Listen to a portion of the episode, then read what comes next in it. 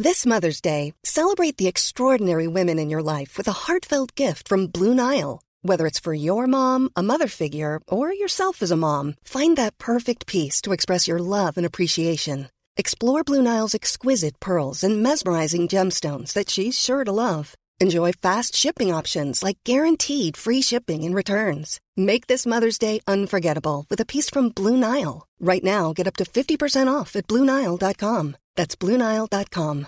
Hi, I'm Daniel, founder of Pretty Litter. Cats and cat owners deserve better than any old fashioned litter. That's why I teamed up with scientists and veterinarians to create Pretty Litter. Its innovative crystal formula has superior odor control and weighs up to 80% less than clay litter. Pretty Litter even monitors health by changing colors to help detect early signs of potential illness. It's the world's smartest kitty litter. Go to prettylitter.com and use code ACAST for 20% off your first order and a free cat toy. Terms and conditions apply. See site for details. Wow! Nice! Yeah! What you're hearing are the sounds of people everywhere putting on Bombas socks, underwear, and t shirts made from absurdly soft materials that feel like plush clouds. Yeah, that plush. And the best part? For every item you purchase, Bombas donates another to someone facing homelessness. Bombas. Big comfort for everyone. Go to bombas.com slash ACAST and use code ACAST for 20% off your first purchase. That's bombas.com slash ACAST. Code ACAST. Att prata pengar kan vara sjukt svårt. Det här avsnittet går därför i talets tecken. Vi ska ta oss an argumentationsteknikens ädla konst. Hur snackar man ekonomi på ett snyggt sätt?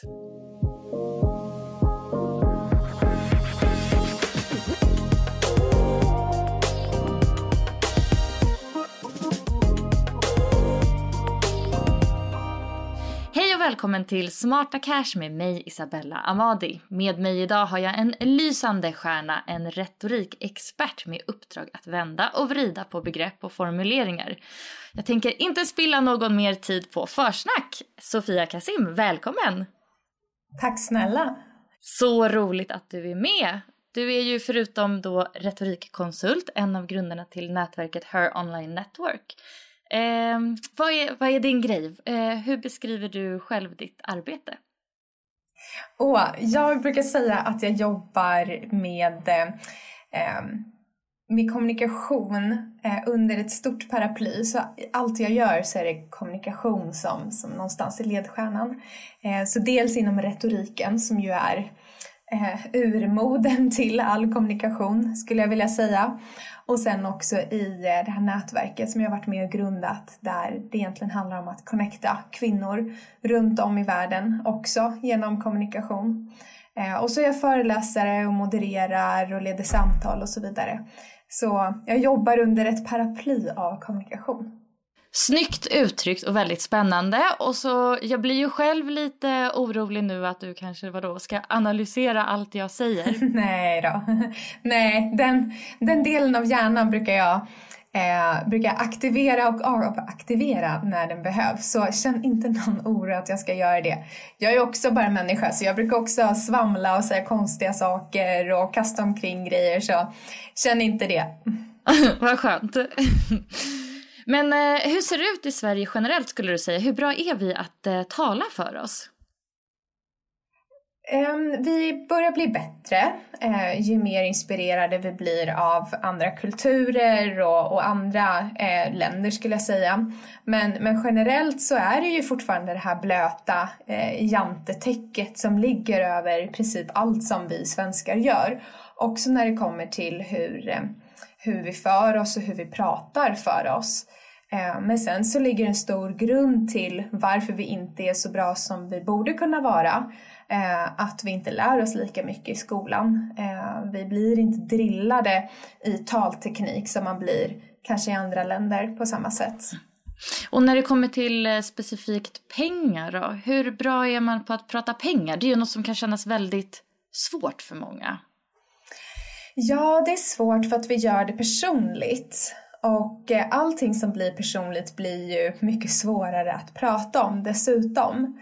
Ehm, så det, det är ett, ett stort område som många fortfarande tycker är en stor utmaning just för att det är så personligt kopplat till en själv.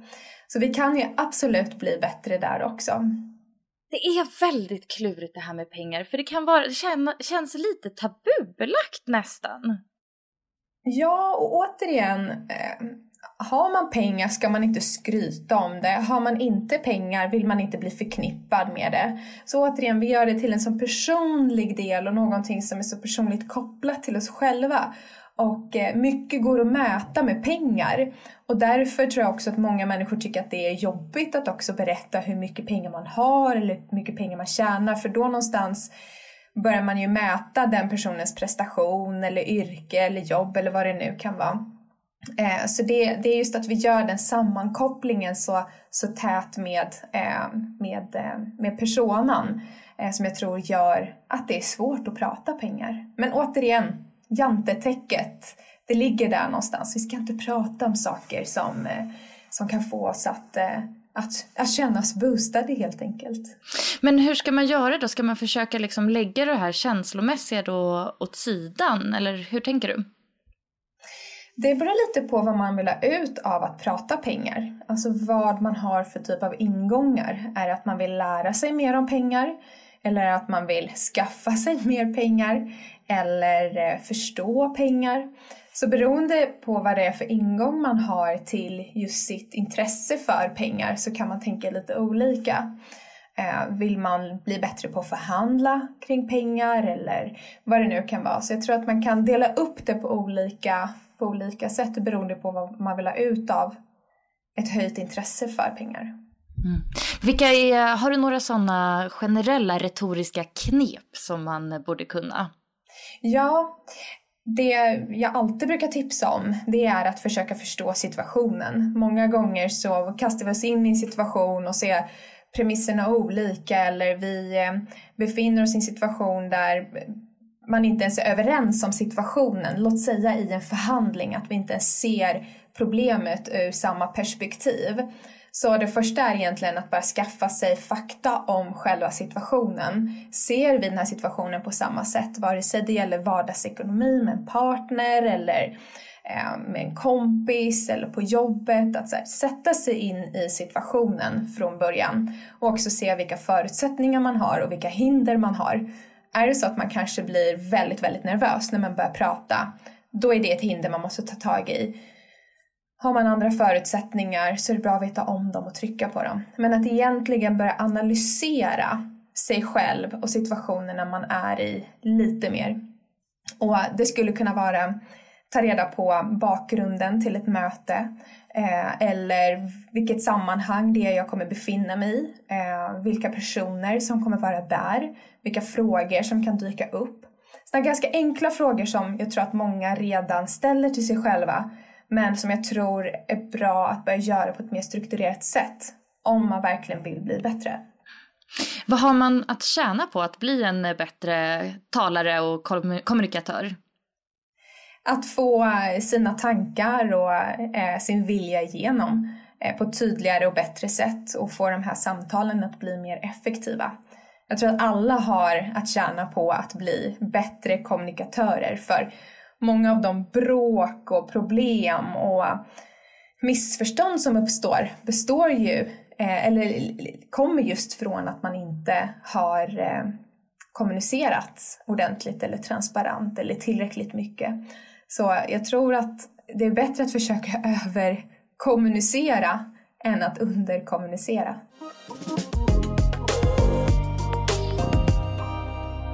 Okej, eh, jag har tagit fram några olika scenarion eh, där det finns eh, en liten eh, eh, jobbig situation gällande pengar och hur man tar upp det som jag tänkte få lite hjälp av att lösa med dig. Ja, kör!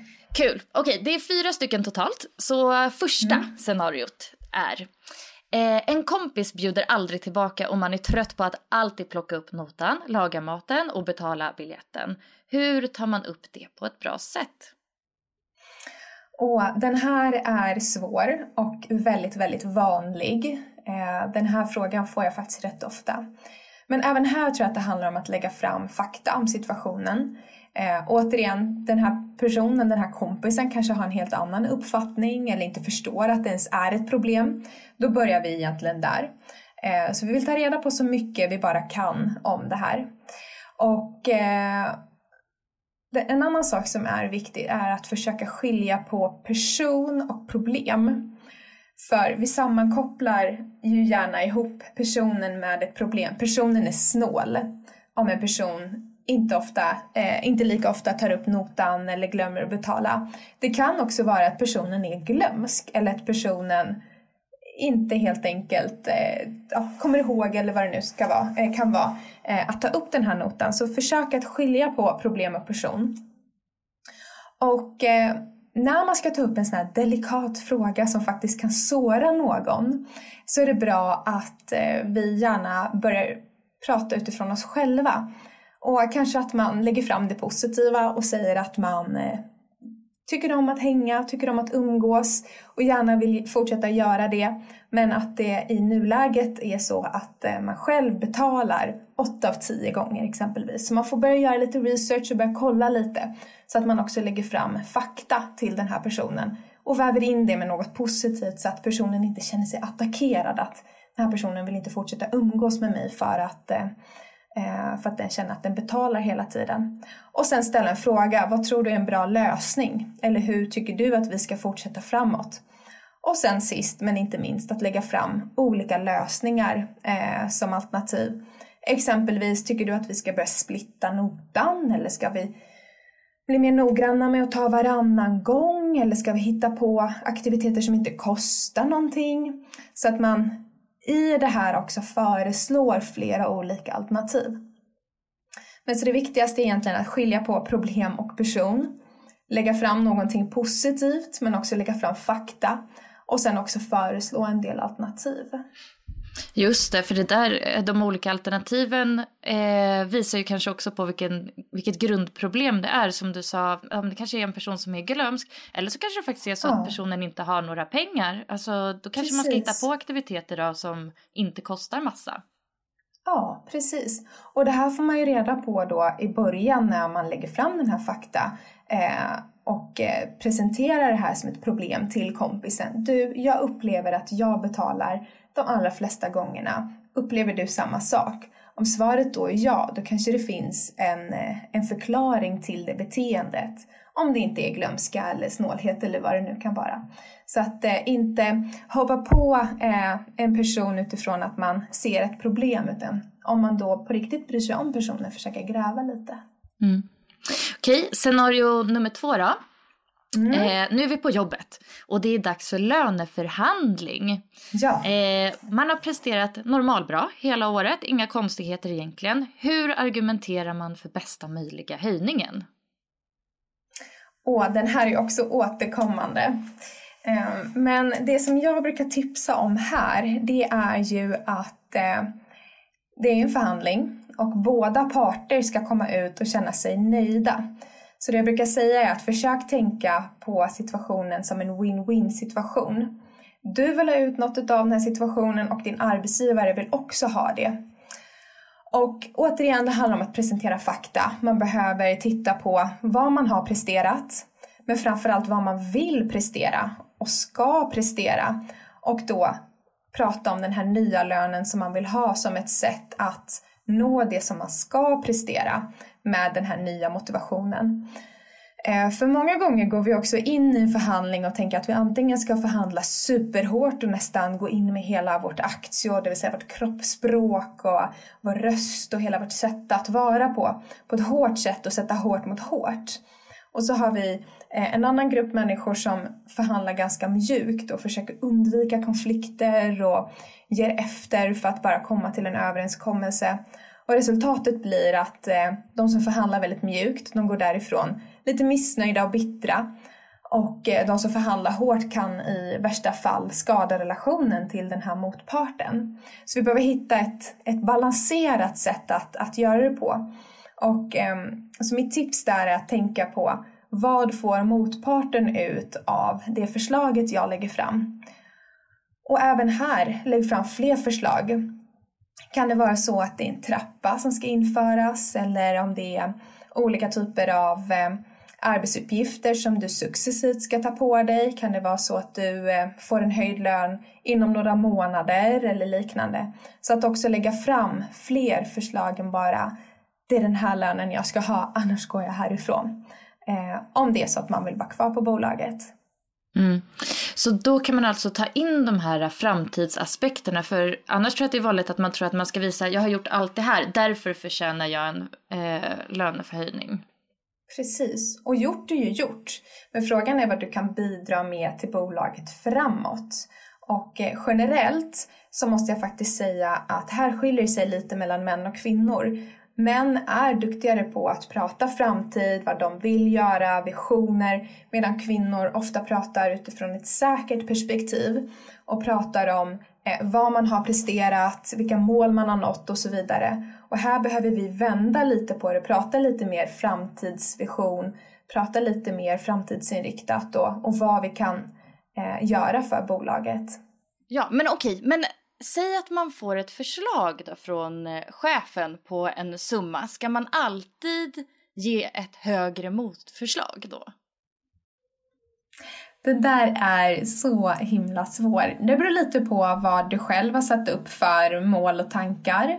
Eh, men är du nöjd med den, då tycker jag att du ska ta den summan för då har ni nått fram till en överenskommelse som du är nöjd med. Eh, och det är snarare att du ska fortsätta förhandla när du inte är nöjd. Men det här med att man kan få ut ännu mer bara för att det ges eh, en, en konkret summa. Det, det, ja, det tror inte riktigt jag på. Utan eh, snarare att här, sätta en limit eh, och jobba mot den. Och når du inte den, det är då du ska kicka in de här förhandlingsskillsen för att nå upp till det som du vill ha. Och vilken är den här tonen då? Eh, inte den aggressiva men inte den mjäkiga. Liksom, var lägger man sig då? I mitten, i lagomskåran, eh, är faktiskt bäst. Nej men både att tänka att man behöver ju argumentera och förhandla både med hjärna och hjärta. Du behöver ju fortfarande se att det är en person och respektera att det är en person. Eh, men också förhandla med hjärnan och vara tydlig med vad du vill ha ut av den förhandlingen. Eh, men återigen, som med alla förhandlingar, båda behöver vara överens om situationen. Det vill säga, i det här fallet vad du har presterat och vad du har gjort. Men framförallt vad du vill göra framåt. När båda är överens om det, det är då man också kan börja prata om en summa på vad det är värt framåt. Eh, så att egentligen försöka samla så mycket som möjligt för att kunna hamna på en plats där båda känner igen sig i bilden. Okej, eh, scenario nummer tre. Jag tycker vi stannar kvar här på jobbet. Mm. Kollegorna på jobbet verkar tjäna mer än en själv. Hur frågar man om deras lön och deras förmåner på ett eh, snyggt sätt? Ja, det korta svaret är våga. Bara gör det. eh, och i vissa kulturer så är vi ju lite fega när det kommer till att prata ekonomi som vi pratade om i början. Det är lite tabubelagt, det är ingenting man viftar med och så vidare för att vi kopplar det så mycket till vår person. Eh, och vi identifierar oss så mycket med just den lönen. Så orkar vi och kan vi ta oss ifrån den känslan så har vi redan kommit en ganska lång bit på vägen. Eh, men att fråga om en kollegas lön handlar ju inte om att vilja sätta dit den personen eller vilja trycka ner den utan det handlar ju kanske om att man tycker den personen gör ett bra jobb eller man ser upp till den och man vill matcha den lönen och så vidare. Så var ärlig med det. Säg att man inspireras av den personen och man vill veta vad den personen har för lön men också vara ärlig med att man vill försöka höja sin egen lön och att det är därför man gör den här typen av research. Eh, så att man också är eh, att man inger slags förtroende för den här kollegan som man då ska få eh, som ska öppna upp sig för en. Och eh, i det så skulle jag också tipsa om att försöka ta reda på hur eh, den personens arbetssituation ser ut. Gör den mer saker än vad du gör? Det kanske är så att den gör saker som den inte kommunicerar. Så försök också ta reda på vad den kollegan gör och om det är så att ni kommer fram till att ni gör ungefär exakt lika mycket, då är det ett argument att ta med sig in i den egna löneförhandlingen. Och sen en till sak är att också Fråga kollegan om den använder sig av några speciella knep eller tekniker under förhandlingen. Och uh, inger man det här förtroendet och är man ödmjuk och är man, visar man att man är smickrad av den personen eller tycker att den personen gör bra ifrån sig så är det också lättare att få människor att öppna upp sig och vilja dela med sig. Så, så det är väl mina tips om, om det är en person som man vet tjänar mer på jobbet. Mm. Och kan man ha med sig då exemplet på sin kollega in till chefen när man ska förhandla? Eller är det ett, eh, ett drag man inte ska använda sig av? Det beror lite på hur arbetsstrukturen och arbetskulturen ser ut på bolaget. Men om kulturen tillåter det så skulle jag säga ja, för det är ju fakta som man tar med sig in. Men återigen, då gäller det att man tar reda på all fakta. Den här personen kanske gör andra saker, har tagit sig an delar eller uppgifter som inte syns utåt. Eh, så där är det viktigt att om man ska använda det som ett argument att man har tagit reda på all bakgrund till det argumentet. Mm. Okej, scenario nummer eh, fyra då. Eh, ens sambo lägger stora summor på sin hobby istället för på hushållets bästa. Hur tar man upp det utan att förstöra husefriden och hur löser man då liksom en familjeekonomi som passar båda? Eller alla om man också har barn då? Mm, bra fråga. Ja, ofta så har man ju hunnit bli rätt arg och upprörd när man har insett det här. Eh, och eh, Starka känslor hjälper oss inte riktigt i en förhandling, vilket det eh, vi ska gå in i här också. Utan först och främst låta liksom de här känslorna lägga sig lite. Och eh, steg två är att också försöka ta sig bort från hemmiljön där vi pratar om de dagliga inköpen och vad som ska fixas och vem som ska göra vad och så vidare. Det här är en större fråga som behöver få ta lite mer tid och lite mer plats. Så föreslå att för exempelvis ta en promenad eller om ni kan göra det här på en, i en annan miljö. Och helst inte innan båda ska gå och lägga sig och så vidare. Eh, en tredje sak är att försöka initiera att man vill ha den här typen av samtal så att det inte kommer från ingenstans. Eh, säga så här, jag skulle jättegärna vilja att vi, eh, att vi pratar lite om vår ekonomi. Kan vi göra det imorgon eller på torsdag? Eh, förslagsvis tar vi en promenad när vi gör det. Så att man också förbereder partnern och inte kommer med den här käftsmällen som många kan uppleva. Och eh, här behöver vi också ta reda på om vi båda ser på situationen utifrån samma perspektiv. Om partnern lägger mer pengar på sin hobby och inte upplever att personen gör det, eh, då har vi ju problemet redan där, att man är omedveten om hur situationen ser ut. Och då gäller det att vara den som lägger fram fakta återigen. Kan man titta på uttag? Kan man titta på hur mycket pengar som faktiskt läggs och så vidare. Och sen eh, det sista steget är att återigen lägga fram fler alternativ. Eh, ska man själv få lägga ut lika mycket? Eh, kan partnern kanske eh, sluta göra en eller två aktiviteter? Eh, ska vi dela upp det på ett annat sätt? Och så vidare. Så att också tänka igenom vilka alternativ man känner sig bekväm med att gå framåt med. Men eh, här, och framförallt när det handlar om en relation, så ska man helst försöka bryta miljön som man är i och helst inte göra det ja, men innan man går och lägger sig eller innan man ska göra middag till barnen och så vidare. Så försöka bryta loss från den här vardagsmiljön. Det där är ju genialiskt för det är ju tyvärr precis då man har tid att prata med sin partner ofta. Alltså, ja, när man är trött, när man är lite grinig, när man är stressad eller slut efter en hel ja. dag. Det är då allt bara kommer ja. ut. Ja, och då kommer ju massa känslor med det. Och så börjar vi titta på problemet utifrån ett personligt perspektiv och man kanske går till attack på ett personligt plan när det egentligen handlar om själva handlingen.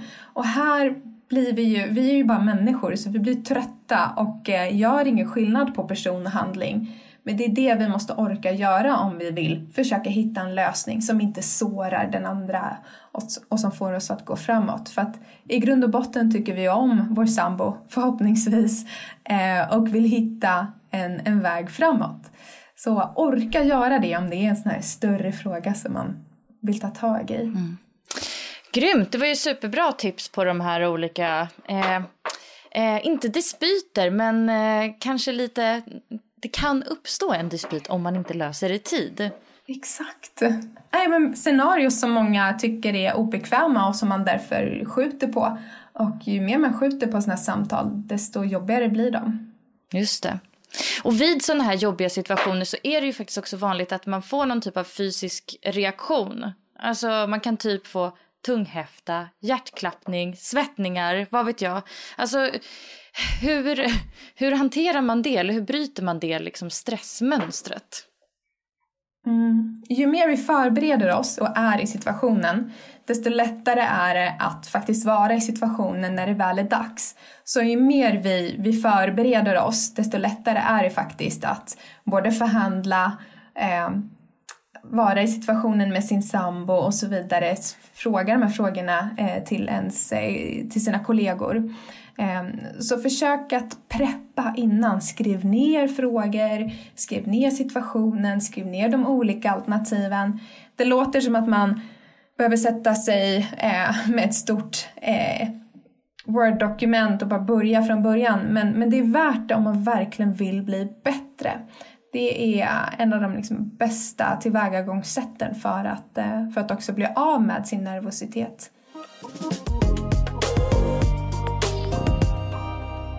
Eh, nu när jag ändå har dig på tråden här så måste jag också få prata lite om det här nätverket, Her Online Network. Eh, ja. Kan inte du berätta lite om det? Varför, eh, varför startade ni det? Varför behöver man ett sånt nätverk? Ja, vi startade Her Global Network eh, som det hette från början 2014 för att vi upplevde att det inte fanns några kvinnliga communities eh, som samlade eh, drivna och ambitiösa kvinnor så som vi själva uppfattade oss själva, eh, jag och min partner Alexandra. Och vi ville helt enkelt ha ett forum där kvinnor kunde få vara 100% sig själva utan att man var där egentligen i någon roll. Och vi ska komma ihåg att det här är 2014. Folk sprang inte runt på stan eller ledde regeringar och sa att man var feminist. Utan det var fortfarande någonting som man ja, men kanske var nyfiken på men inte sa att man var. Eh, så det var ett, ett behov som föddes ur en tid som såg annorlunda ut. Sen dess så har vi expanderat till eh, som mest var vi 20 städer runt om i världen. Allt från Asien och Australien bort till eh, eh, San Francisco och LA. Och tanken från början var att samla kvinnor eh, kring ett ämne som var aktuellt och inspirerande och bjuda in en person som vi tycker är spännande nog att, att kunna dela med sig av sina erfarenheter. Och för några år sedan så tog vi det här vidare och byggde en app eh, som heter Her Online Network. Och egentligen så fortsätter konversationerna så som de skedde förut, det vill säga fysiskt och IRL, men den här gången digitalt och i olika forum. Och eh, det är där vi är idag. Så spännande. Alltså det här med nätverkande är ju väldigt eh, intressant för det är ju många som eh, driver eget eller man kanske har mycket, liksom, man vill eh, i sin bransch få kontakt med fler människor men att nätverka kan vara lite eh, svårt och kännas lite, lite jobbigt precis som att prata inför folk och sådär. Eh, hur nätverkar man? Ja, och det var också en av anledningarna till eh, att vi valde att hålla de här sammankomsterna eller de här träffarna lite mer intima. Så vi var aldrig mer än 20 personer exempelvis. Alla runt bordet introducerade sig. Alla runt bordet fick också ställa en fråga, eh, be om hjälp kring någon till, till, till resten av, av, eh, av gruppen. Eh, det är svårt, eh, men det är också för att vi inte alltid vet vad vi vill ha ut av ett nätverkande. Och det är också en grej vi behöver bli bättre på. Om jag blir en del av ett nätverk, men vad vill jag ha ut av det? Är det kontakter? Är det det sociala? Är det några specifika andra saker som jag vill ha ut? Så att också fundera på vad man, kan, vad man vill ha ut av ett nätverk. Och sen, viktigast av allt, vad kan jag ge till ett nätverk? För det är vi också väldigt tydliga med när det kommer till just um, Her Online Network. Så vad, vad kan du ge? What can you bring to the table utöver att faktiskt bara eh, sitta vid bordet? Så att vi hela tiden känner att vi hjälper varandra framåt. Om man har hittat en spännande person då, som man gärna skulle vilja nätverka till, eh, vad säger man? Hej, får jag bjuda dig på lunch eller frukost eller en Zoom-fika? Eh, återigen, det handlar om att våga eh, ta tag i det, men var också tydlig med vad du vill ha ut av det mötet eller det samtalet, vad du vill bolla för något. Ju mer konkreta vi blir med vad vi vill ha ut av eh, ett möte eller en persons eh, eh en, en, en, persons bakgrund, eh, desto lättare är det också att få ett ja. Eh, och hur ser det ut nu liksom, eh, om man tänker corona har ju ändå ställt till det lite också. Alltså hur ser hur ser framtidsutsikterna ut nu när man vill nätverka, bygga upp sig själv, sitt, eh, sitt företag eller gå vidare i karriären? Hur, eh, hur, kan man, hur kan man göra nu i vår nya verklighet? Och här skulle jag vilja säga, det undrar jag också. Nej, men det är mycket, mycket svårare att nätverka nu. Ehm, det händer någonting magiskt vid ett fysiskt möte, så vi har inte alla förutsättningar med oss just nu. Men det man kan göra är att, eh, att boka in de här träffarna eh, digitalt istället och försöka göra sitt bästa där. Men det är svårare nu. Folk rör sig inte lika mycket, folk är inte lika inspirerade på samma sätt helt enkelt. Så vi får bara hålla tummarna att vi eh, återgår till någon slags nya normala om inte allt för länge. Mm, verkligen, snart kanske. Ja, hoppas. Mm. Men eh, med det så tänkte jag att vi eh, rundar av den här superintressanta intervjun med dig. Det var superkul att du var här i Smarta Cash, Sofia. Tack så mycket. Tack så jättemycket Isabella för att jag fick vara med. Så himla roligt och bra scenario som jag tror många är med om rätt ofta. Ja, ja alltså jag känner, jag känner själv igen mig helt enkelt. Ja, bra. eh, om man vill följa dig på sociala medier, vart gör man det då? Då gör man det på Instagram och på LinkedIn, eh, Sofia Kasim. Eh, och jag finns på Insta som Smarta Cash Podcast och på Twitter som Isabella Amadi och man kan följa mig där på de båda. Då blir jag jätteglad. Stort tack för att du har lyssnat. Hej då!